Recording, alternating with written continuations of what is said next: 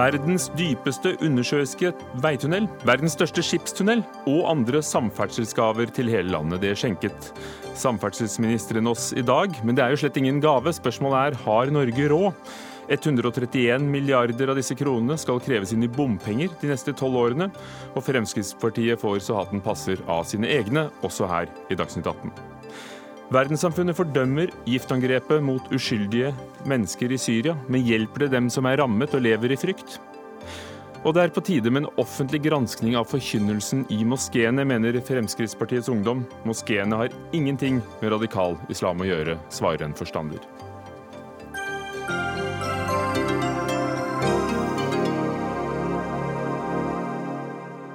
Velkommen til denne utgaven av Dagsnytt 18, hvor vi også oppsummerer den første ganske elleville presidentkandidatdebatten i Frankrike. I løpet av denne timen, Ugo Fermariello sitter i studio. Nå får vi altså verdens lengste og dypeste undersjøiske veitunnel og verdens første skipstunnel, T-banetunnel og godsterminaler, E8, E10 og E39, fiskerihavn og lufthavner i Bodø og Rana og mye mer. Over 1 billion kroner. 1000 milliarder skal brukes på vei, tog, flyplasser og tunneler de neste tolv årene. Ketil Solvik-Olsen, samferdselsminister. Litt av en liste. Det er en ganske stor liste, men det er dette vi har gått til valg på. Bygge mer infrastruktur fordi det bygger landet vårt tettere sammen. Det er investering i, i framtida. Redusere reisetiden, styrke bo- og arbeidsregioner. Gjøre det enklere for næringslivet å bli konkurransedyktig. Men det du ikke gikk til valg på, var bompenger. Og dere legger opp til at 131 milliarder kroner skal dekkes inn av bompenger i denne eh, perioden. Eh, da blir det altså enda mer å betale for bilistene. Bompengenivået Jeg skulle gjerne fjerne det. Hadde jeg styrt alene, så hadde vi gjort det. Dette landet er rikt nok til at du kunne brukt litt mer oljepenger og finansiert det. Men vi styrer ikke alene. Sånn at kompromisset her er at vi viderefører det nivået med bompenger som var under de rød-grønne. Faktisk en liten reduksjon, men ikke veldig mye. Men det er en nedgang og ikke en oppgang. Der veksten kommer, det er bevilgninger som vi foreslår over statsbudsjettet. Vi skal bruke 100 milliarder kroner mer. 10 eh, milliarder kroner mer i år på veibygging de neste ti årene. Det er vekst som kommer fullt og helt over statsbudsjettet. Så Sånn sett, der andre regjeringer ofte har økt bompengeandelene i sine NTP-er for å finansiere økt satsing, så finansierer vi det ved å øke de statlige bevilgningene. Det handler om å prioritere over statsbudsjettet på det vi mener er viktigst, uten å øke skattene på folk. Men altså fortsatt over 10% av disse pengene kommer fra bompenger. Og Leif Høybakk, gruppenestleder i partiet Folkeaksjonen Nei til mer bompenger i Stavanger. Det går vel i det minste riktig vei, da? Det kan du spørre om. Ehm, vi syns jo ikke det. Ehm, vi syns jo det at eh, når Frp gikk eh, inn eh, i regjering, og før valget så lovte de at det skulle ikke være noe mer bompenger når de kom i regjering. Det var ikke noe sagt om at de skulle ha et visst eh, nivå eller noe. De skulle, eh, de skulle liksom fjerne bompenger. Men i alle fall, det, det, som er trasig, det er jo at folk eh, flest de må betale så det holder. I, også i denne pakka som kommer nå. I Stavanger spesielt så har vi da fått denne bypakken som kommer hvor folk må betale oppi 25 000-30 000 kroner i året. Og det syns vi er direkte usosialt og urettferdig. Og eh, vi eh, syns da at eh, det her er nesten uholdbart og skremmende for folk flest, og hvordan folk skal klare dette her. Og vi syns det er veldig trist at ikke det har blitt gjort noe konsekvensutredning av dette her på forhånd sånn at vi vet hva dette vil føre til. Solvik-Olsen, nå hører du litt om konsekvensene her. En bitte liten utredning fra Stavanger. Du sier du selv ikke hadde ønsket det sånn, men kanskje dere skulle da bygd litt mindre, da? Alternativet ville jo vært at Frp ikke var i regjering. Da hadde du hatt en vekst i bompenger, og du hadde ikke fått den samme satsing på vei. Nå blir det altså videreføring av det nivået som har vært, ikke en økning mens du får en kraftig økning i bevilgningene over statsbudsjettet. Det betyr altså at bilistene får mer igjen i forhold til det de betaler.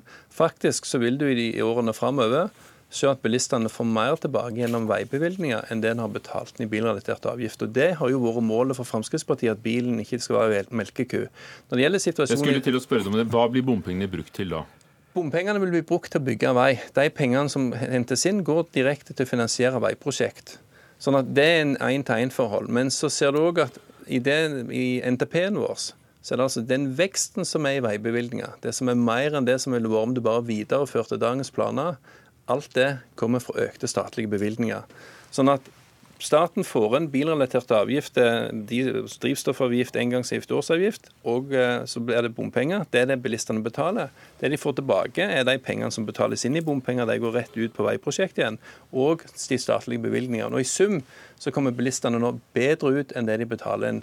Men det viktige, viktige her det er jo satsingen, en kraftig vekst. Skattenivå og bompengenivå øker ikke. Ergo så er det netto pluss det som en tar opp i Stavanger, det er jo noe Fremskrittspartiet lokalt har stemt imot i alle kommunene. Så der er vi jo på linje partipolitisk. Men det stemmer jo ikke helt. Ja, kom igjen, Høybakk. Det stemmer jo ikke helt det han sier. fordi at Han sier at, det, at bompengene går tilbake til bilistene. I eh, den bypakken som kommer i Stavanger, så skal 70% gå til kollektivtrafikk. Og det er ikke bilistene. Så det er bare 30% av den bypakken som kommer i Stavanger, som skal eh, gå til bilistene. Så der er det ikke noe én-én-forhold i det hele tatt. Og sånn er det vel i disse store bypakkene? De store bypakkene som er initiert av lokalpolitikere, så er det litt annerledes enn på de riksveiprosjektene som, eh, som vi vedtar. Men, men Fremskrittspartiet i alle disse kommunene har stemt imot. Men når flertallet har stemt for, så er det faktisk sånn at da går saken til Stortinget, som, som gjør vedtak. Og, og Høybakk, du er jo selv politiker, så du skjønner vel disse politiske realitetene noen ganger? At du ikke alltid får det som du vil. Men uten denne NTP-en og, og, det opplegget som Solvik-Olsen har, så hadde det jo ikke blitt noe av undersjøisk tunnel under Boknafjorden som en del av, Rogfast. Og, og det vil du vel ha? Ja, det, ja, både òg. Det er mange som ikke vil ha den. altså nær sagt, Men jeg ser jo det næringspolitiske i den biten der. Men når det gjelder akkurat Rogfast, så er vi jo litt spent å se hva det endelig ender opp med altså av eh, penger der. Jeg ser at det skal komme noe mer penger, men vi er nå veldig spent å se hva de der bompengene endelig ender opp i. Men Hvordan ville du finansiert vei, da?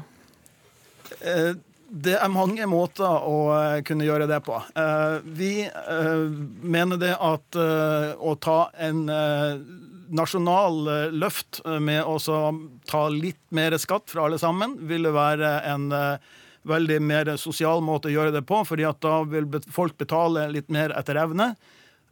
Og det finnes andre også muligheter å gjøre dette på. For eksempel så på kollektivtrafikk så kan man legge opp til at de som får ekstra stor nytte av det, f.eks. bedrifter langs uh, denne her såkalte bussveien eller banen, eller hva det nå skal være rundt omkring, uh, så kan de betale kanskje litt mer i, uh, i skatt, f.eks. Så du har alternativer, altså. Men, men, la oss nå høre. Arbeiderpartiet. Eirik Sivertsen, samferdselspolitisk talsperson for Arbeiderpartiet på Stortinget. Dere er vel fornøyd også med andelen bompenger, for dette er jo da på det nivået dere brukte da dere la frem NTP? Er jo ingen her i landet som liker bompenger. Det er, noe, det er ingen som har noe glede av å kreve inn bompenger. Men faktum er jo at for å klare å bygge de veiene og de tiltakene vi må for å få bedre framkommelighet, så har det vært nødvendig å kreve inn eh, bompenger. Eh, og Det som skjer nå, er jo at Frp og Ketil Solvik-Olsen blir innhenta av realitetene, og innser at også dem må eh, forholde seg til økonomiske realiteter og kreve inn bompenger for å klare å bygge eh, det som er nødvendig for å sikre fortsatt sterk mobilitet. Det går vel an å argumentere Solvik-Olsen, at bompenger er ganske grei måte, fordi det finansieres av de som bruker akkurat den stubben? Ja, men Det er en veldig dyr måte å finansiere prosjekt på, fordi at det er relativt store innkrevingskostnader og finansieringskostnader med det. Derfor vil FrPs løsning er jo heller å bruke litt mer av det statlige handlingsrommet som tross alt har i dette landet, til å finansiere veiene direkte, istedenfor å lånefinansiere det gjennom bompenger. Men vi har altså ikke flertall alene. I kompromisset mellom de fire borgerlige partiene, som har fått til en god nasjonal transportplan, vi har samarbeidet godt om den, så har vi funnet ut at det er det bompengenivået vi ender opp på. Det er litt lavere enn det de rød-grønne hadde, men det er altså 10 milliarder kroner mer årlig over statsbudsjettet til, til veibevilgning. Og, og, og, For å snakke litt om, om, nettopp disse andre 90% av finansieringen, ja. Eirik Sivertsen. Eh, nå snakker Solvik-Olsen om, om, det flertallet som er på Stortinget nå, men dette skal jo vare i tolv år, en sånn NTP.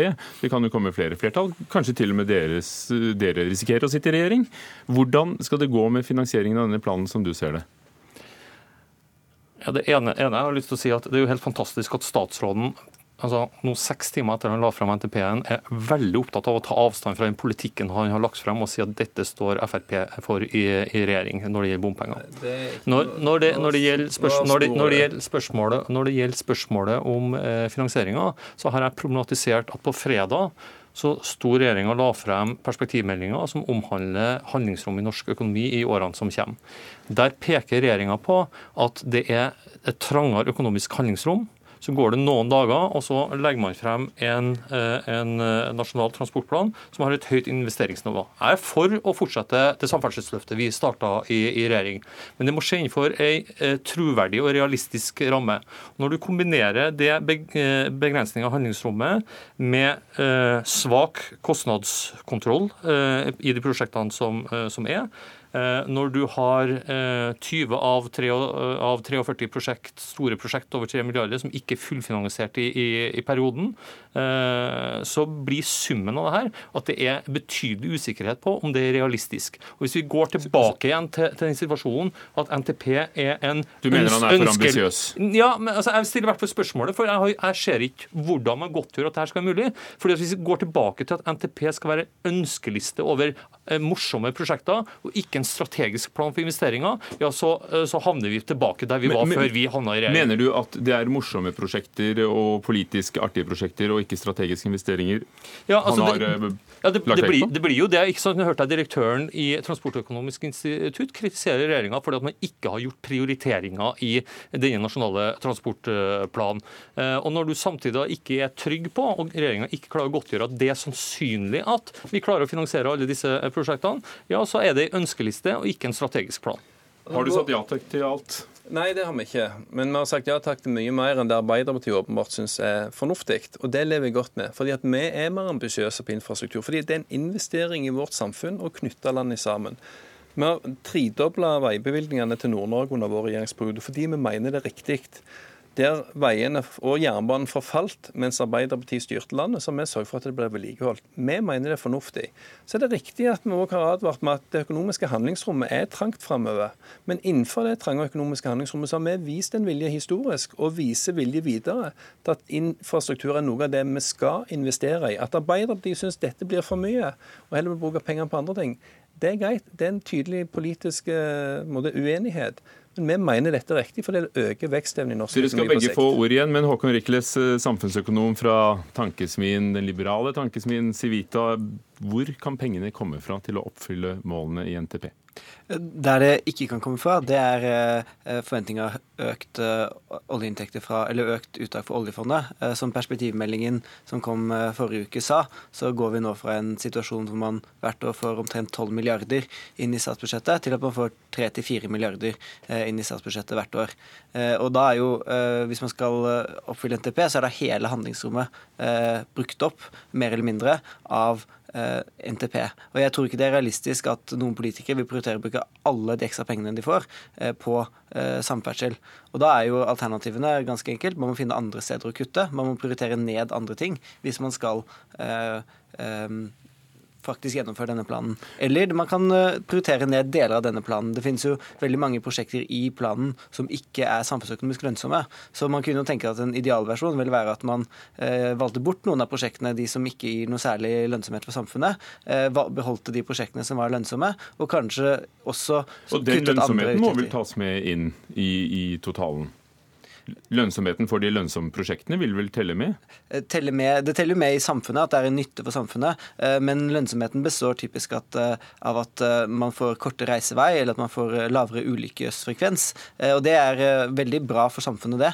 Men det er ikke noe som synes umiddelbart på offentlige budsjetter. Man kan ikke finansiere veibygging ved at veiene er lønnsomme. Lønnsomheten til vei, veibyggingen må gå på hvilke man prioriterer, og hvilke man nedprioriterer.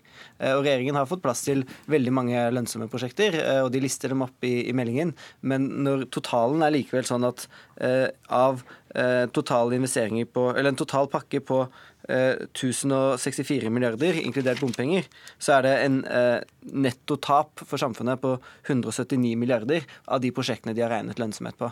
Ja, det er ganske stort. Det er ganske stor, Hvis man ser på investeringsrammene til de prosjektene, så er det ganske stort tap per prosjekt. Man får veldig lite igjen for hver krone man investerer. Og når man får så lite igjen på hver krone man investerer, så kan man spørre seg om man har valgt riktige prosjekter, eller om man ikke burde valgt en mindre ramme. Og Eirik Sivertsen, hva ville du valgt bort hvis Arbeiderpartiet skulle forvalte litt av denne planen etter hvert? Ja, Det skal vi, arbeidet skal vi starte med nå. Jeg må be om respekt for at vi har fått ja, nå hadde vi hatt seks timer et, et kvarter. Nå har det vært lekkasjer i minst to uker her, så jo, Men med all respekt, de lekkasjene har vært, vært muntlige. Det har vært umulig å etterprøve de opp, opplysningene og føre en, en, saklig og opplyst debatt. Vi skal gå inn i det her, eh, men vi ønsker jo å problematisere også som, eh, som Civita gjør her. Altså, Er det de riktige prosjektene som er prioritert? Prioriterer vi riktig? Hvordan skal dette være mulig i forhold til de andre samfunnene? Samfunnssektorene. Og Det har ikke regjeringa svart på. Ketil Solvik-Olsen har fortsatt ikke svart på det i dag, annet enn at de ønsker å prioritere det. Ja, på bekostning eh, av hva? Jeg er opptatt av, og vi har sagt gjentatte ganger, og vist i våre alternative budsjett, at vi prioriterer samferdsel høyere enn regjeringa i, i, denne perioden også. Eh, og Det har vi tenkt å fortsette, fordi det er nødvendig å investere. Men vi må investere og ha en plan som er realistisk, og ikke lage oss en ønskeliste som eh, bare blir eh, ord og ikke reelle tiltak. Solvik-Olsen, oljefondet. Skal dere, altså ditt departement, spise opp hele veksten? For det ser vel ut til at dere må det for å få til disse økte statlige investeringene du, du snakket om? Fordi Perspektivmeldingen sier jo at veksten er omtrent det du sier, at vi må legge til i transportbudsjettet. Og hva da med helse? Vi, vi, har gjort de regneøvelsene, selvsagt så har vi det. Og Det er jo innenfor den rammen vi ser at vi kan satse mye mer på Forsvaret enn det vi opplevde eh, under forrige regjering. At vi skal gjøre større løft på, på, infrastruktur. Fordi vi tror både det er kostnadsbesparelser gjennom at næringsliv får bedre konkurransevilkår, du får redusert ulykkesfrekvens og sånn. Men vi vet òg utmerket godt at vi skal òg gi et løft på helse, på justis, på skole og lignende. Sånn at her er det jo et regnestykke i bånn som, som, er vårt, men der Arbeiderpartiet åpenbart syns at samferdsel får for mye, for de tenker gjerne at ting skal være på en annen måte. Men alt men, er ikke lønnsomt, hørte vi økonomen si her. akkurat. Det, Samfunnsøkonomisk det er helt riktig. Men Hva, hvordan lønner det seg da, hvis det ikke er samfunnsøkonomisk fordi lønnsomt? Fordi at vi skal ta hele landet i bruk. Hvis en bare skal se på samfunnsøkonomisk lønnsomhet, så er det ganske mange deler av landet der du ikke ville gjort noen ting. Det er ingen akseptabel løsning for oss.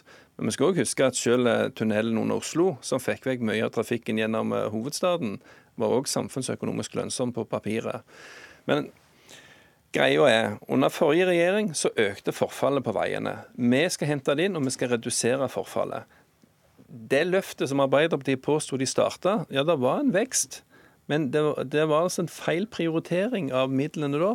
Vi har sørget for her at vi både skal vedlikeholde det vi har, og vi skal bygge mer, men vi skal bygge det på en annen måte, der du tenker lengre strekninger, nettopp for å få mer helhetlig og få noe du er stolt av òg for neste generasjon. Og nå blir jo dere så heldige da, å få en fiks ferdig NTP hvis dere skulle havne i posisjon i Arbeiderpartiet? Ja, slik som eh, Solvik-Olsen har styrt på vår NTP eh, og vært veldig fornøyd med det, eh, som hadde betydelig vekst, og som, og som, var et løft for samferdsel her i landet. Vi skal gå inn i detaljene og behandle i Stortinget som enhver annen sak. Vi har heldigvis gjort om mye på den NTP-en, for dere la opp til forfall. Vi har lagt opp til vedlikehold. Ja, det, dette sier dere alltid, og vi må stanse der. Men bare, bare ett punkt. fordi at Plangrunnlaget som vi har styrt dette på, ble lagt fram for to år siden. Arbeiderpartiet gir inntrykk av at det ikke har funnes informasjon om arbeidet. Da har dere ikke gjort leksene deres. Det er litt betenkelig. Eh, det er jo sånn at eh, Statsråden eh, besitter faktisk et kjempestort embetsverk, flere underliggende etater. Vi må jo forholde oss til informasjonen vi får fra statsråden, og den er med all respekt å melde veldig begrensa og ikke klar og tydelig. Nok, nok om fortiden nå. Håkon Rikles, du hørte Solvik-Olsens utregninger i forhold til lønnsomhet. Lar det seg gjøre, tror du? Han, han, har jo helt rett i det han sier, at hvis man skulle kun valgt de lønnsomme prosjektene, så, ville det vært noen prosjekter i sentrale Østlandet, en del på Vestlandet, en del gods på tog og sånne ting, og så ville det vært mye resten av landet ikke fått så mye. Og Det er kanskje ikke politisk holdbart, men eh, da, da vet man hvorfor det blir dyrt, fordi man vil eh, gi litt til alle, eh, og da blir regningen svært stor. Og Jeg tror ikke det er mulig å prioritere så høyt på samferdsel, samtidig prioritere høyt på helse, høyt på skole, høyt på alt annet. Da Takk går regningen slett ikke opp. Vi kan ikke prioritere mer her og nå. Eirik Sivertsen fra Arbeiderpartiet, Ketil Solvik-Olsen, statsråd Håkon Rikles, samfunnsøkonom i Civita, og Leif Høybakk, som var med fra Folkeaksjonen Nei til mer bompenger. Ja, og her eh, skifter vi scene, for inn kommer vår politiske kommentator Lars Nehru Sand. Ønskeliste var ordet Arbeiderpartiet brukte om denne transportplanen. Hva sier du? Det er jo ikke ment som det, og den vil miste litt av sin berettigelse hvis det er, eh, er det det blir. Det er ment å være en langsiktig plan, og så skal den selvfølgelig eh, revideres. Og som ethvert langtidsvarsel vil det selvfølgelig bli eh, oppdatert når, når nye data foreligger. Og det som vi da er mest spent på her, er jo hvordan kostnadsveksten og Norges økonomiske situasjon vil, vil, være i årene som kommer. Og så er det også spennende å se at hvis Ap da mener at denne listen er for lang, så, så får vi vente spent på deres versjon eh, når den eh, kommer før Stortinget har sagt sitt. Hvordan har eh, regjeringen prioritert? Den har tatt seg råd til veldig mye, og det er jo kanskje det som preger denne planen aller mest. Eh, og også det at som vanlig er, men, men at eh, ikke alt er fullfinansiert heller. Og det gjør jo at eh, effekten av dette, og kanskje noe av begrunnelsen for ønskelistespørsmålet, er at det bygger opp veldig store forventninger i, i lokalmiljøet, som selvfølgelig syns at det prosjektet nærmest en selv er, er det viktigste. Og det Solvik-Olsen gjør, er å legge frem en, en sikkert realistisk men, med plan, men som da blir opp til kommende generasjoner politikere å, å endelig fylle opp. Og, og, når man ser det valget som er gjort med bare hovedvei til Bergen, hvor man har tre alternativer og lander ned på tre alternativer, men, men med litt ulikt prioritering. Det eh, er kanskje et eksemplifisering av, av hvordan prioriteringen er her. og det kan virke som at man istedenfor for å prioritere i form av å, å uh, sette en strek og si nei til noe, så har man skjøvet det frem i tid heller. Er det noen prosjekter av denne lange listen, og, og det har kommet drypp i, i, de siste ukene, alt fra tunneler, flyplasser, togskinner til Tromsø kanskje, skal i hvert fall utredes. Er det noen prosjekter fremtiden vil huske, og som du vil trekke frem nå? Jeg vil gjerne kanskje starte med å trekke frem eh, byutviklings- og samferdselsprosjektet i Bodø med å flytte eh, flyplassen. Det tror jeg blir et veldig spennende prosjekt å se utbytte av for en by og en region. Eh, det handler jo ikke bare om å bygge en ny flyplass i Bodø, men å flytte den stripen og åpne store arealer i en, stor by i, den regionen for helt ny byutvikling med helt nye løsninger, også lokalt, i hvordan man bygger og planlegger planlegger en by fra bunnen av. Det syns jeg er veldig spennende. Eh, så er det klart at de effektene det vil være av å få en ny metrotunnel eh, og ny jernbanetunnel i Oslo, kan eh, vise seg å være større enn seg selv. Og også hvordan pendler- og bosettingsmønstre blir på Østlandet med intercity og Ringeriksbanen, tror jeg er store prosjekt som vil stå seg. Og så er det selvfølgelig spektakulært med, med skipstunnelen. Det er viktig med motorveiutbyggingene, at det fortsetter.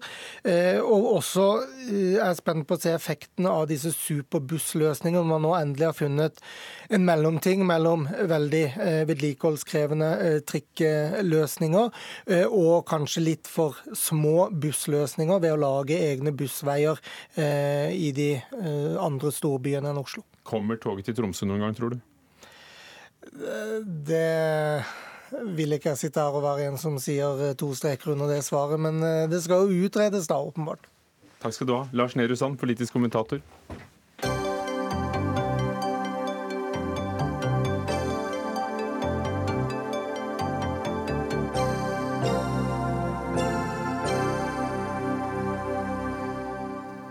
Det kom mye fra regjeringen i dag, også forslag til en ny likestillings- og diskrimineringslov fra barne- og likestillingsminister Solveig Horne. Der foreslår hun bl.a. å overføre noen av ombudets oppgaver, altså likestillingsombudets oppgaver fra Oslo til Bergen. Hun samler ulike særlover i én felles lov om likestilling og diskriminering. Eh, et godt og slagkraftig nytt lovverk vil styrke området, Solveig Horne. Det er du som sier. Hvordan? En ny felles likestillings- og diskrimineringslov vil gi et tydeligere og sterkere og bedre diskrimineringsvern. Eh, og vi styrker nå, eh, eh, vi styrker nå graviditetsdiskrimineringen, som er den delen som det blir mest diskriminert i arbeidslivet. Vi gjør det nå slik at det er forbud med aldersdiskriminering utenfor arbeidslivet. Vi åpner for positiv særbehandling av menn på lik linje med, kvinner. Og ikke minst også innfører vi nå en plikt for utdanningssektoren til å ha universell utforming utforming på av læremidler og IKT i skolen. Men loven ble ikke akkurat som du hadde sett den for deg, fordi du ville ha den helt kjønnsnøytral. Og paradoksalt nok så er ikke likestillingsloven kjønnsnøytral. Den nye loven er kjønnsnøytral, men vi har lagt inn i formålsparagrafen eh, at kvinners eh, stilling skal, skal, altså kvinners stilling skal styrkes i sammen med minoriteter. Vårt hovedmål var i grunnen å ha en kjønnsnøytral formålsbestemmelse, for vi mener at alle grunnlagene er like viktig. Men det møtte litt motstand, og derfor har vi lagt inn det med kvinners stilling i formålsparagrafen. Men, men det er altså ordlyden? Det er ordlyden, men loven er kjønnsnøytral, og den skal òg styrke like mye for vi vet at menn òg blir utsatt for diskriminering, og det er viktig òg at eh, vi likestiller kvinner og menn i diskrimineringsloven. For Tidligere har det vært sånn at man kunne ikke positivt særbehandle menn til å rekruttere f.eks. psykologistudenter ved Universitetet i Bergen, som de prøvde, eller, eh, eller visse yrker, mens nå er det mulighet for å kvotere inn menn? Altså, loven handler ikke om kvotering, men vi åpner for positiv særbehandling av menn på lik linje med kvinner. Eh, vi vet etter tiår med likestillingspolitikk så har vi fremdeles et kjønnsdelt arbeidsmarked. Eh, og en arbeidsgiver kan ikke i dag oppfordre en mann til å søke på stillinger på aldershjem, i sykehus. Du kan kun oppfordre menn til å søke stillinger som, han, som omhandler med barn. Eh, og vi mener det er viktig å også få menn inn i omsorgsyrker, og derfor åpner vi for den positive særbehandlingen. Anette Trettebergstuen i familie- og kulturkomiteen fra Arbeiderpartiet. Hvorfor mener du at denne loven, med alt det vi har hørt om, svekker likestillingsarbeidet i arbeidslivet? Jo, Vi er opptatt av at med de likestillingsutfordringene som, som kvinner og menn, eh, og de diskrimineringen, diskrimineringen som, som, folk med funksjonsnedsettelser, seksuell legning osv. i dag opplever, så er vi nødt til å, å styrke likestillingspolitikken eh, og øke likestillingen. Og Da må vi stille oss spørsmålet når regjeringen legger fram endringer i likestillingsloven eh, og endringer i ombudet, om det bidrar til mer eller mindre likestilling. Om det svekker eller styrker de virkemidlene vi har for å nettopp komme videre. Og Hva kom du til etter å ha lest jeg, eh, loven? Ja, nei, det, Nå skal du høre. Nei, eh, Samla sett så gjør regjeringen det regjeringen har gjort i fire år. Svekker de verktøyene vi har for økt likestilling med de grepene som gjøres her i dag. Det er bra at det legges inn at man kan kvotere menn til eh, skjønnsskjeve utdannelser osv. Det ba Stortinget om for et år siden. Det er bra at eh, diskrimineringsvernet for gravide eh, styrkes. Det har vi også bedt om. Men samla sett så blir dette en dårligere lov. Man svekker viktige virkemidler for å oppnå økt likestilling i arbeidslivet. Og ombudet eh, svekkes enormt ved at man tar ressurser fra ombudet eh, og gjør det vanskeligere for de å gjøre jobben sin med å veilede eh, mennesker og, og jobbe for økt likestilling i samfunnet. Hvorfor mener dere at det er en god idé Solveig Horne, å flytte da en avdeling av ombudet til Bergen? Det som er viktig her, Vi skal ha et sterkt og tydelig lovverk, men det holder ikke med bare lovverket. Vi må òg ha et sterkt håndhevingsapparat. Og Det gjør denne regjeringen med det, grepene vi gjør nå. Jeg ønsker at vi skal ha et ombud som skal være en aktiv pådriver i likestillingsarbeidet. Likestillingsombudet skal være noen pådriver, de skal være veileder.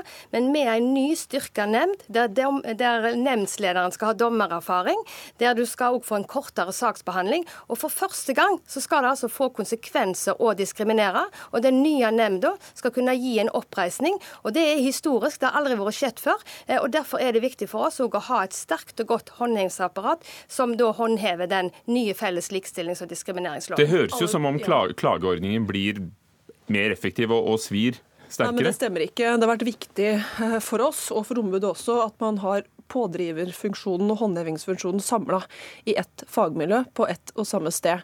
Når man, oppne sånn når man, nå, når man nå oppnevner en ny nemnd og skal i tillegg legge den til Bergen eh, så Spiller det noen rolle hvor det ligger i dag? Men man tar ressursene fra ombudet eh, slik det ligger i dag, så betyr jo det en svekkelse av ombudet. Det sier jo også ombudet selv, og det er veldig sterkt imot det. Så det blir, eh, For folk så betyr dette at et at ombudet får, eh, får, færre ressurser og mulighet til å, å følge opp uh, saker som, som, folk eh, melder inn, f.eks. Færre muligheter til å drive det viktige pådriverarbeidet de driver med i dag. Men tilbake til loven. For, uh, et øyeblikk, svar. Kan vi ta, ta det først? Du skal, få, jeg skal pensle på loven. Ja. I dag kan det ta over to år ifra du får et vedtak. En Likestillingsombudet har i dag en dobbeltrolle. De skal være en pådriver og en, hånd, en håndheverrolle, og det kan ofte virke mot sin hensikt. Og Da har målet vårt vært å få på plass en styrka nemnd, som det faktisk skal få konsekvenser når du diskriminerer, og kunne gi en oppreisning. Og Men Hvordan blir den styrket av å, av å splitte kontoret som det er i dag, og, og legge det til en annen Nei, by? nå blir det at Likestillingsombudet skal være en pådriver på lik linje med Barneombudet. Og jeg lurer på om Trettebergstuen mener at Barneombudet ikke gjør en god nok jobb som, område, som Men- rolle i dag. Og så får vi en styrka nemnd som Men det nå må flytte det. Er det bare for å, for å spre viktig- statsmakten utover landet? Det er viktig for oss når vi skal se på hvor statlige arbeidsplasser skal ligge, om de òg kan ligge i Bergen. Og det var naturlig for oss. De har et godt miljø der oppe, det er god infrastruktur. Og en Så det med Bergen det handler ikke om å styrke, det handler om å spre statlige arbeidsplasser. Plassere det, men selve styrkingen av nemnda, om det at å kunne gi oppreisning, eh, og at det skal få konsekvenser, det klarte ikke den forrige regjeringen å få på plass. Det gjør denne regjeringen. Trettebergstuen, hvorfor virker ikke loven? Ja, til ombudet først. Eh, Dette er bare nok et eksempel på at statsråden og regjeringen ikke lytter til de som har peiling på likestilling, og de som er opptatt av likestilling. For alle har i dag kritisert at dette betyr en svekkelse av Likestillingsombudet, og ikke noe annet. Til loven. eh, Det er en rekke el- enkeltelementer her som statsråden så riktig peker på, som er bra. Eh, De, mange av de ba Arbeiderpartiet regjeringen innføre for ett år siden da vi behandla likestillingsmeldingen, så vi er glad for at det endelig følges opp. Men på en rekke punkter så, så, gjør, så blir dette et dårligere eh, lovverk enn dagens. Og det aksepterer ikke vi. F.eks. så skal ikke den felles, nye fellesloven gjelde eh, i privatlivet. For private forhold. Det er en betydelig svekkelse av dagens eh, lovverk. Så er det sånn at Et av de viktigste virkemidlene vi har for å jobbe for økt likestilling i arbeidslivet, det som kalles aktivitets- og redegjørelsesplikten, foreslås nå fjerna. Man skal ha en aktivitetsplikt. Det betyr at arbeidsgiver må jobbe for økt likestilling, men du skal ikke måtte fortelle noen om hva du gjør. Og det blir ærlig talt som å si til en skoleklasse at dere må gjøre lekser, men jeg kommer ikke til å sjekke. For det er altså denne denne redegjørelsesplikten som fjernes, hvor selskaper skriver i årsrapporten hva har de gjort? Det er altså ikke en redegjørelse som en, eh, en regnskapsfører gjør i en årsrapport, som gjør at den arbeidsgiver fører likestillingspolitikk på sin arbeidsplass. For oss har det vært viktig å konkretisere nei, aktivitetsplikten. Og det vi gjør nå, vi styrker aktivitetsplikten med at den ikke bare skal gjelde for kjønn, men den skal gjelde for alle diskrimineringsgrunnlag. Og det er en styrking av aktivitetsplikten. Og det er som Trettebergstuen her sier, jeg lurer på Du må bare gå hjem og lese denne loven. For det at den styrkingen som vi gjør, både mot på graviditetsdiskriminering, åpne for positiv særbehandling av menn, innføre IKT for de som har funksjonsnedsettelse, og styrke aktivitetsplikten, det er en styrking av, av, av loven. Denne loven blir mye tydeligere, den blir enklere, og den er lettere å håndheve. Og så var det det med privatlivet. Ja, I dag er det sånn at det er dagens likestillingslov den gjelder i privatlivet. Men den blir altså ikke håndhevet. Det er Derfor har det vært viktig for oss å ha en lov som blir håndhevet, og som fungerer i praksis, og ikke bare en symbol. For det har vel vært en sovende paragraf. De færreste har vel vært klar over at vi kunne brukt Ja, det eh, likestillingsloven for å det er få likestilling Ja, det, det er vanskelig å håndheve, det er helt riktig det. Eh, Men det sender et veldig negativt signal når man altså nå sier at eh, det plutselig blir lov å diskriminere eh, innenfor hjemmets fire vegger. Men det er helt utrolig å si at, en, at man kan ha en aktivitetsplikt, at man pålegger arbeidsgiver å jobbe for noe uten at noen skal sjekke. Det blir en, en, sovende, en sovende regel, og det blir fritt fram for arbeidsgivere å jobbe for økt likestilling eller ikke. Det kommer til å, å svekke arbeidet for likestilling på Men det er vel ikke fritt frem bare fordi de ikke behøver å skrive det i Jo, men poenget at du får ikke, du, du får ikke lenger uh, mulighet til å sjekke hva som faktisk uh, blir gjort. Uh, og vi vet at det er i arbeidslivet vi har de største utfordringene fremover. Ja, men det er veldig, veldig, det er veldig, veldig naivt å tro at når man ikke kan sjekke. Så dette betyr bare at samla sett så får vi en, et svekka verktøy for likestilling, Og og, det er i tråd med det dette regjering, denne regjeringen har gjort i fire år. At denne loven kan alle nå lese, for den kom ut i dag, og gjøre seg opp en mening. Og dere får en ordentlig runde i komiteen på Stortinget. Takk skal du ha. Og vi kommer gjerne tilbake. Anette Trettebergstuen fra Arbeiderpartiet, Solveig Horne, barne- og likestillingsminister. Vi hører nok fra dere.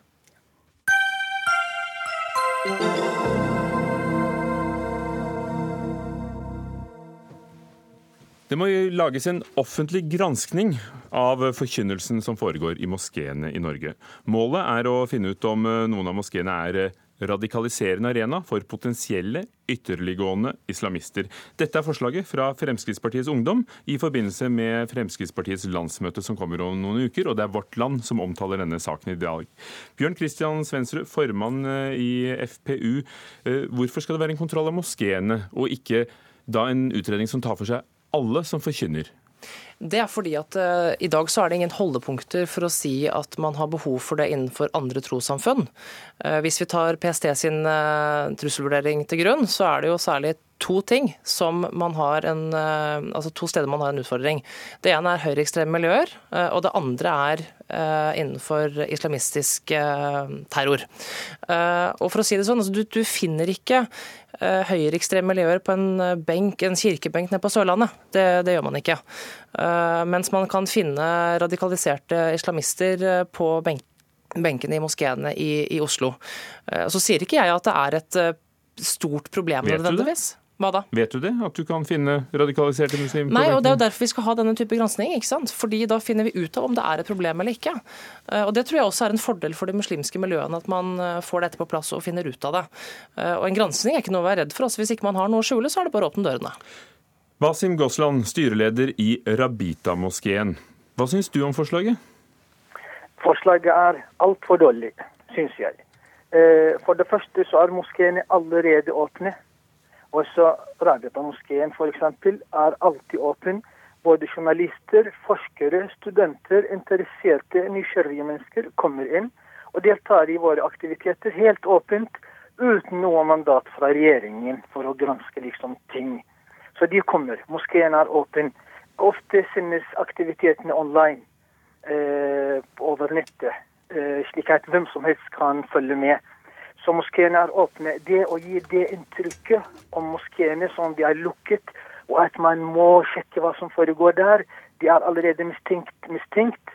Det er dårlig inntrykk, syns jeg, fordi det vil støte eh, muslimsk ungdom. De vil oppleve at de er allerede mistenkeliggjort, og at de er skyldige inntil det motsatte er bevist. Bjørn Kristian Svensrud, hvordan tror du det ville blitt oppfattet, ikke minst blant muslimer, muslimsk ungdom, Nei, altså Man har to måter å håndtere dette på. Man kan enten gjøre uh, som Basim her og si at dette er helt bakstreversk og helt bak mål. Uh, eller så kan man trekke litt på skuldra og tenke ja vel, det er, det er bare å komme inn dørene allerede åpne.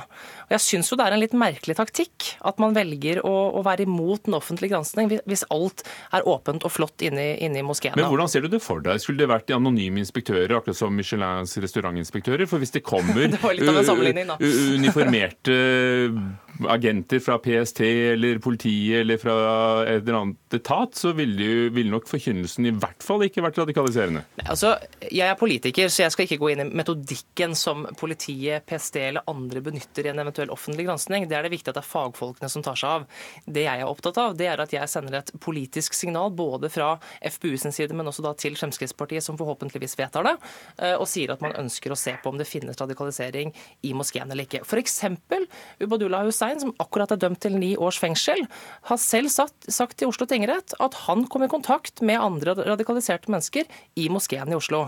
Så sier ikke jeg at det nødvendigvis er en utfordring, men dersom det er det, så må man ta tak i det og løse opp miljøene. Basim Goslan, Ubaydullah Hussain, som nettopp da ble, ble dømt for å ha vervet folk som syriafarere. Nå er ikke den dommen rettskraftig i det hele tatt, men han har jo da selv forklart at, eh, at han traff nettopp folk i moskeen. og Ville det ikke da uh, vært greit å bare få det på, på det rene og e, eliminert den mistanken, da? At, at, han traff mennesker i moskeen, det kan hende. Og han kan jo godt treffe dem i Oslo S og hvor som helst ellers, i restauranter, på gaten. Han kan treffe dem.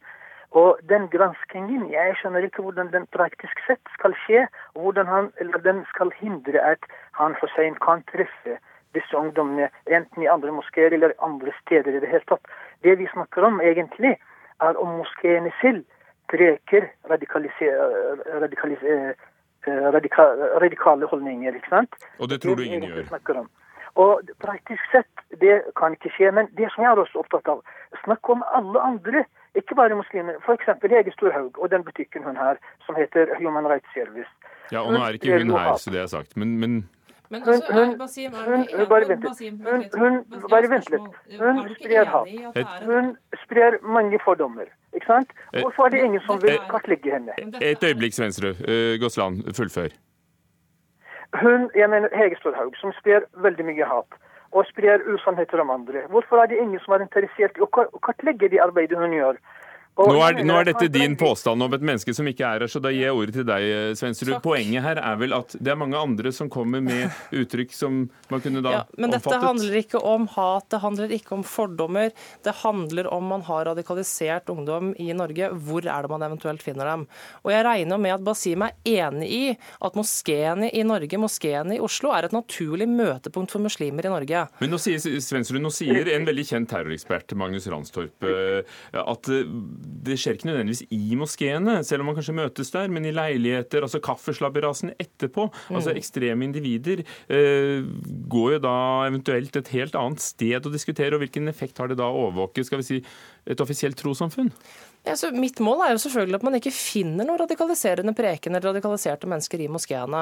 Men da er man nødt til å ha den type gransking for å finne ut av det. Men tror du ikke PST, hvis de har mistanke om slik virksomhet, ville sett på det uansett? Er ikke det deres oppgave? Men for meg så er det viktig å sende et politisk signal om at jeg har lyst til å gjennomføre en offentlig gransking av moskeene dersom det finnes eh, radikaliserte mennesker der ute. Og, det, og det, det er det det egentlig handler om å finne ut av det. Og jeg tror helt ærlig at det beste for de muslimske miljøene i Norge er jo å gjennomføre en sånn gransking.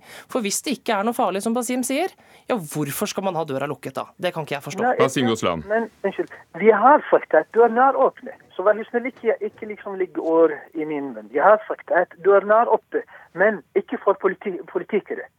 Politikere, jeg mener journalister, forskere, eh, interesserte, du også hvis du er opptatt som en privatperson og komme og delta i aktivitetene våre, ingen sier nei til deg. Tvert imot.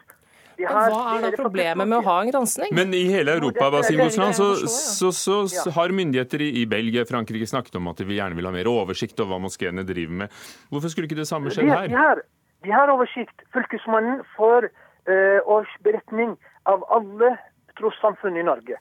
Så fylkesmennene vet akkurat hva de forskjellige Men akkurat sånn f.eks. han Hussein møtte enkeltungdommer i moskeene. Hvordan skal dette liksom kartlegges? Hvordan skal dette forebygges? Men det må jo vi overlate til fagfolkene. Ubadullah eh, Hussain er ett eksempel. Jeg har også en uttalelse fra Antirasistisk Senter fra 9.11.2016 som sa at, eh, som, som var bekymra over at ekstremister kan benytte seg av muslimske trossamfunn for å rekruttere til terrornettverk. Så det er ikke bare jeg som sier det, det er også andre som eh, ikke, ikke tatt til orde for gransking nødvendigvis, men som har sett på problemet. Jeg, jeg mener det som, kan, det som kan diskuteres egentlig, hva moskeene selv driver med. Hva preker de egentlig? Hva underviser de til, til de unge? ikke sant? Det er det som er viktig. Og vi lar det spørsmålet stå som siste ord. Basim Goslan, styreleder i Rabita-moskeen. Bjørn Kristian Svendsrud, formann i Fremskrittspartiets Ungdom. Dette forslaget skal da med på moderpartiets landsmøte om noen uker.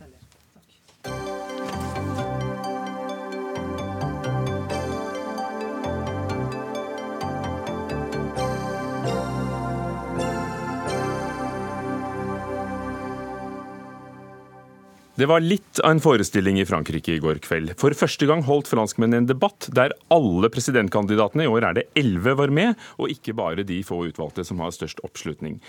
Alle med sideblikk til den franske, franske presidentvalgkampen har hørt om følgende persongalleri. Den uavhengige, ganske unge Emmanuel Macron med klokketro på EU.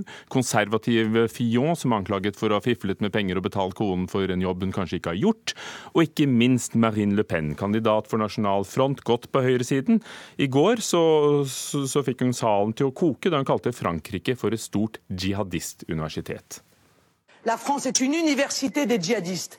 Je le dis clairement, c'est une université des djihadistes. Ils se préparent.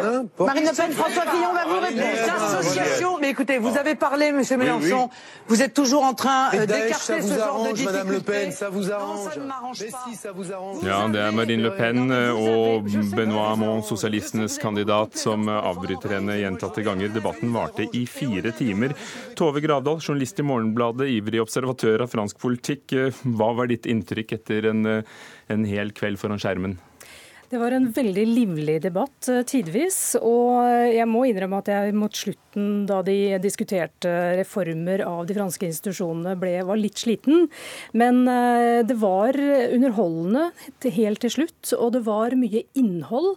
De diskuterte faktisk politikk. Og det som var ekstra spennende denne gangen, det var at nettopp fordi disse seks kandidatene som vi nesten ikke hører om, som er altså trotskister og, og langt ut på venstresiden og langt ut på høyresiden. De fikk komme til orde, og de fikk like mye taletid som de mest kjente kandidatene. Og de svingte seg stort, det er jo den vi husker fra denne debatten. De eh, greide å komme med meget krasse angrep, ikke minst mot Marine Le Pen, som i denne debatten fremsto som ganske defensiv, faktisk. Hun ble angrepet. Eh, den setningen som huskes aller best fra debatten, det er fra Philippe Poteau, som er da Han representerer et nytt antikapitalistisk parti. Og han er traskist og stilte uten slips i, i, i, studio. Og han gikk løs på Le Pen og sa at uh, vi arbeiderne, vi har, ikke, uh, vi har ikke parlamentarisk immunitet, så vi stiller opp når politiet innkaller oss til avhør. Og dette viser jo til at Le Pen er, hun er jo under etterforskning og nekter å stille opp under dekke av at hun er, hun er medlem av EU-parlamentet, så hun slipper å, å, møte til avhør og, og forsvare seg mot anklager og misbruk av penger. Hun også.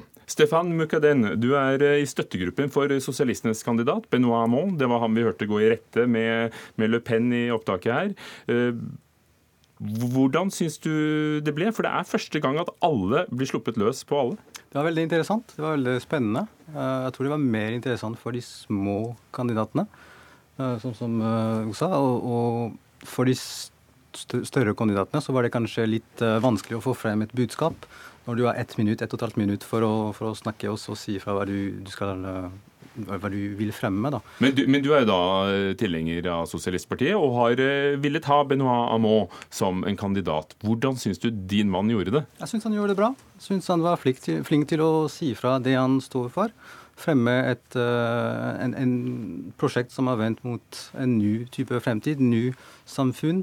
Uh, fremtid hvor uh, inklusiv vekst er viktig.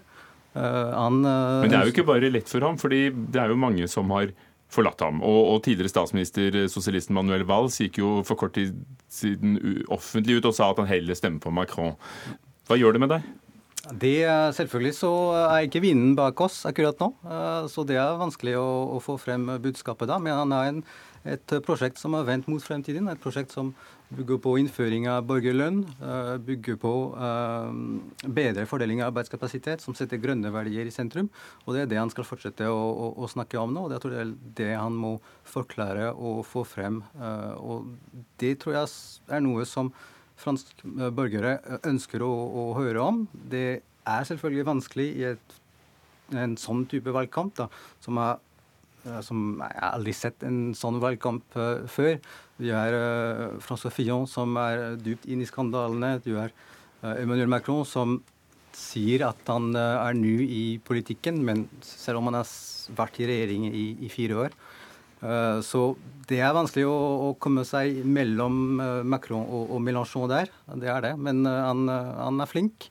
Han har en god program, og jeg tror at han må fortsette å prøve å forklare det. For denne Macron og Amon, de, ikke bare navnet ligner, de, de, er omtrent like gamle, de er like velkledde og, og ganske elitepreget i hvordan de snakker. altså Typisk fransk politiker, Tove Gravdal. Hva, hva skiller dem som politikere, Macron og Amon? Eh, Macron gikk jo inn i regjeringen da Benoit Amon gikk ut av denne sosialistregjeringen. Og Amon gikk ut fordi han hadde kritisert sin egen regjering. Han var illojal. Han tilhører venstresiden i Sosialistpartiet. Og i 2014 innså uh, president Francois Hollande at han greide ikke å oppfylle sine valgløfter. Og et av svarene han da ga, det var å kvitte seg med noen av de mest uh, venstrevridde politikerne i regjeringen. Og inn kom Macron, som ikke engang var medlem av Sosialistpartiet. Og han eh, representerte en mer sånn sentrumsorientert, eh, egentlig en ganske vanlig norsk sosialdemokratisk eh, politikk. Eh, og, du sammenligna med Stoltenberg? Jeg sammenligna med Stoltenberg, ja. Etter det jeg kan forstå, så er eh, mye av Macrons program Jeg fulgte han eh, på valgkamp i, i forrige uke, og, og, mye av det jeg hørte der, var absolutt uh, likt det vi har hørt fra norske sosialdemokrater de siste 15-20 årene. Behov for reformer, altså grunnleggende reformer. Uh, mindre utgifter til pensjon og uføretrygd og, og sykelønn osv. Stefan Mukaden, du, du, sier jo selv at du er mer i sentrum av Sosialistpartiet, og likevel så støtter du kandidaten som er erklært på venstresiden. Hvorfor det? Jeg er ikke enig med at eh, Macron er sosialdemokrat. Det er han ikke. Han er sosialliberal. Hamon er mer sosialdemokrat, og han i dag har støtte fra alle sosialdemokratiske partiene i Europa. Martin Schulz kom ut forrige uke og sa at han støtter Benoît Hamon. I Brussel så har PS, den, den europeiske partisosialist, sagt at han, de støtter Benoît Hamon. Så um, Emmanuel Macron han, han, han, han er en ny figur, men han er gammeldags oppskrifter. Benoît Hamon han kommer med nye oppskrifter. Han sier at det som er blitt gjort de siste 30 årene, det er ikke funket.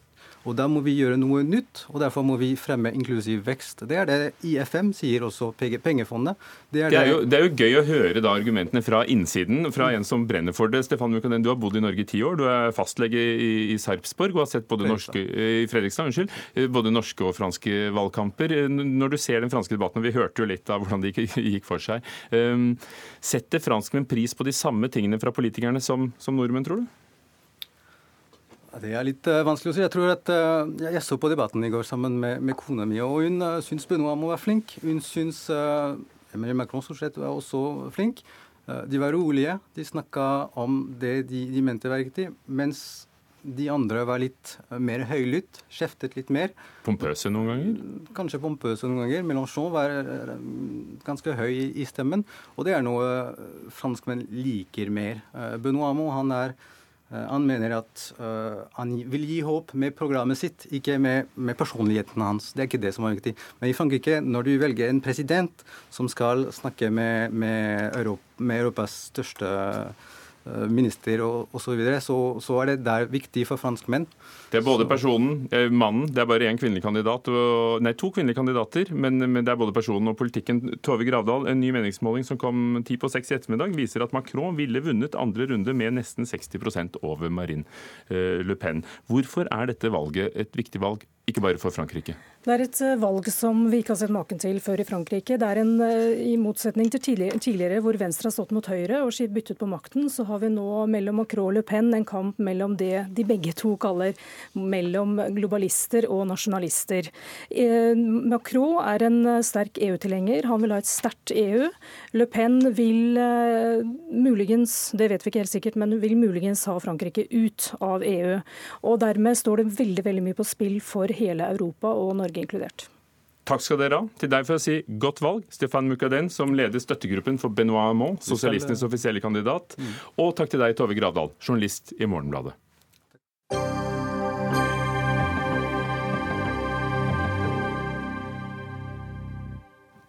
Bildene av barn med lukkede øyne som ligger med pustemasker etter det kjemiske angrepet i Syria i går, har gått verden rundt. Over 70 mennesker, barn og voksne, ble drept, og verdenssamfunnet fordømmer det som skjer. Men hva kan verdenssamfunnet gjøre som vil hjelpe sivile i Syria? Tove Bjørgaas, korrespondent i USA. Nå har Donald Trump igjen kommet på banen med en fordømmelse. og Hva slags utvikling er dette?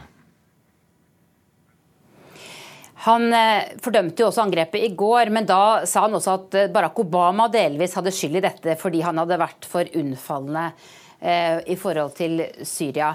Eh, så, men det som har skjedd som er interessant i dag, det er at uh, USAs FN-ambassadør Nikki Haley hun, uh, Det er jo noe møte som pågår i, i, Sikkerhetsrådet i New York. og Hun kritiserer Russland i knallharde ordelag. spør hvor mange barn som må dø før FN kommer til å handle, og sier at USA eller land sier hun kan bli fristet til å handle på egen hånd. det vi har sett det siste døgnet, er at det har kommet veldig ulike uttalelser fra ulike deler av av den amerikanske administrasjonen i eh, denne saken. Og det at Trump som møtte den jordanske kongen i dag, igjen gikk ut og fordømte angrepene sterkere enn han gjorde i går, kan nok være et tegn på at, at håndteringen av dette ikke ble sett på som helt heldig i går, og ble kritisert av mange utenfor Det hvite hus. Hmm. Møtet i FNs sikkerhetsråd i New York i dag, på, på hvilken måte kan dette føre til handling? Det, det høres ikke sånn ut med alle de motsetningene du beskriver? Og det er jo det som er spørsmålet. Når skal det bli slutt på disse angrepene? Det er jo det alle spør seg. Hva kan Sikkerhetsrådet gjøre? Det Sikkerhetsrådet først og fremst kan gjøre, er jo å sette i gang en granskning av hva det var som egentlig skjedde. Men i Sikkerhetsrådet i dag har de kranglet eh, voldsomt. Den eh, britiske FN-ambassadøren angrep Russland og sa at Russland må slutte å forsvare Assad og la Assad holde på slik. Den russiske FN-ambassadøren sa at, eh, at resolusjonsforslaget som ligger i Sikkerhetsrådet er for kritisk mot Assad. Russerne har jo også sagt at det var et fly som krasjet inn i en kjemisk fabrikk som var årsaken til, eller et kjemisk lager som var årsaken til dette her. Det er det mange som mener ikke stemmer. Eh, men det er vanskelig å se hvordan noe veldig konkret skal komme ut av dette møtet i Sikkerhetsrådet. Og det at USA nå eh, på en måte vingler eller er ikke slik USA har pleid å være før, gjør det kanskje enda vanskeligere. Men så står det jo også da, som, som du var inne på, at USA da truer med å handle på egen hånd hvis FN ikke, ikke klarer å, å, vise makt i, i Syria. Hvordan, hvordan, vil den holdningen utvikle seg? Kan, se, kan de sette makt bak ordene? Veldig vanskelig å si. Eh, Nikki Haley sa selv i forrige uke FN-ambassadøren at det ikke er en prioritet for USA nå å, å fjerne Assad. At det er kampen mot IS som står sentralt.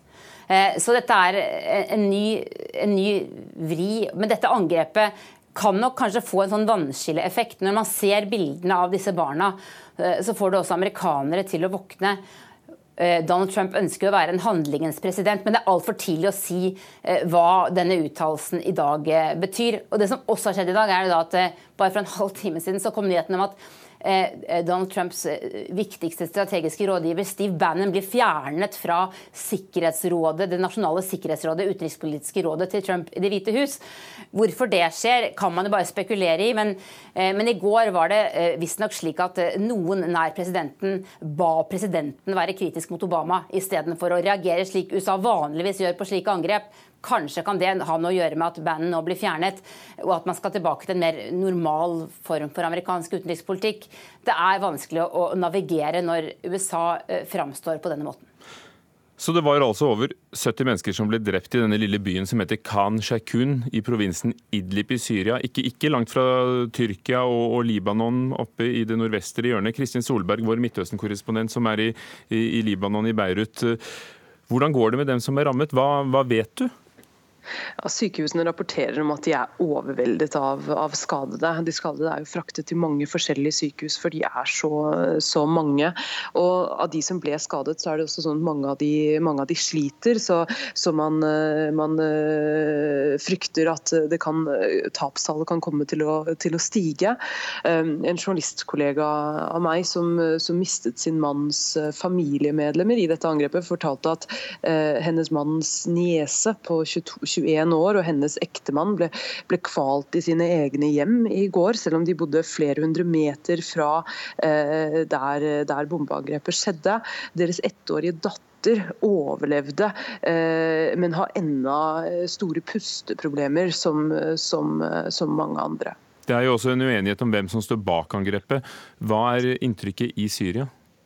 Ja, Det kommer helt an på hvem du spør og hvor, hvor de befinner seg. I Idlib, i det opprørskontrollerte området, der sier de at, at eh, det er Assad-regimet som står bak, og det er de ganske klare på. Eh, hvis man snakker med mennesker i de myndighetskontrollerte områdene, så er det en del som tror på myndighetenes og, og russernes eh, forklaring, og som, også mener skylden her ligger hos, hos opprørerne. Så Der er det veldig, veldig delte meninger som det jo er i, i, i Syriakrigen. Syria er jo avhengig av frivillige organisasjoner som hjelper på bakken. og, og Når det blir så risikofullt å, å oppholde seg der, hvordan vil det påvirke livet for eh, folk? Ja, Det er veldig veldig vanskelig, det er, og det er få organisasjoner på bakken. De, de, som er der, gjør jo en, en, en kjempegod, uh, kjempeviktig uh, innsats, men, men uh, har problemer med tilgangen. På opprørssiden så ser vi jo hvordan det har vært angrep mot humanitære arbeidere, mot feltsykehus. og Det er svært svært farlig. og Igjen så er det jo da syrerne i disse områdene som, som blir taperne. og På myndighetssidene så er det, er det heller ikke lett å operere det er vanskelig for organisasjoner for å få tilgang og tillatelser, altså de nødvendige tillatelsene til å få tilgang. Eh, så, så det er, er, svært vanskelig. Og igjen så er det da eh, syrerne som, som taper på dette. Det snakkes om angrep med saringass. Russland hevder at eh, bomber traff et av opprørernes våpenlagre, og så blir det en granskning. Vil, vil sannheten komme frem? Ja, Det får man jo virkelig håpe. Det har jo vært granskninger tidligere. Det har eh, ofte blitt eh, Resultatet av granskningen har vært at, eh, at har, man kan fastslå at det har blitt brukt kjemiske våpen, men eh, man eh, mangler bevis til å fastslå eh, med sikkerhet hvem det er. det er en, var en FN-granskning litt i fjor som sa at det var tre angrep hvor myndighetene sto bak, men selv da så, så nektet myndighetene for det. Takk, Kristin Solberg i Midtøsten. Ida Tune Øresland var ansvarlig for Dagsnytt 18 i dag. Finn Lie teknisk ansvarlig. Ugo Fermariello programleder. Takk for i dag.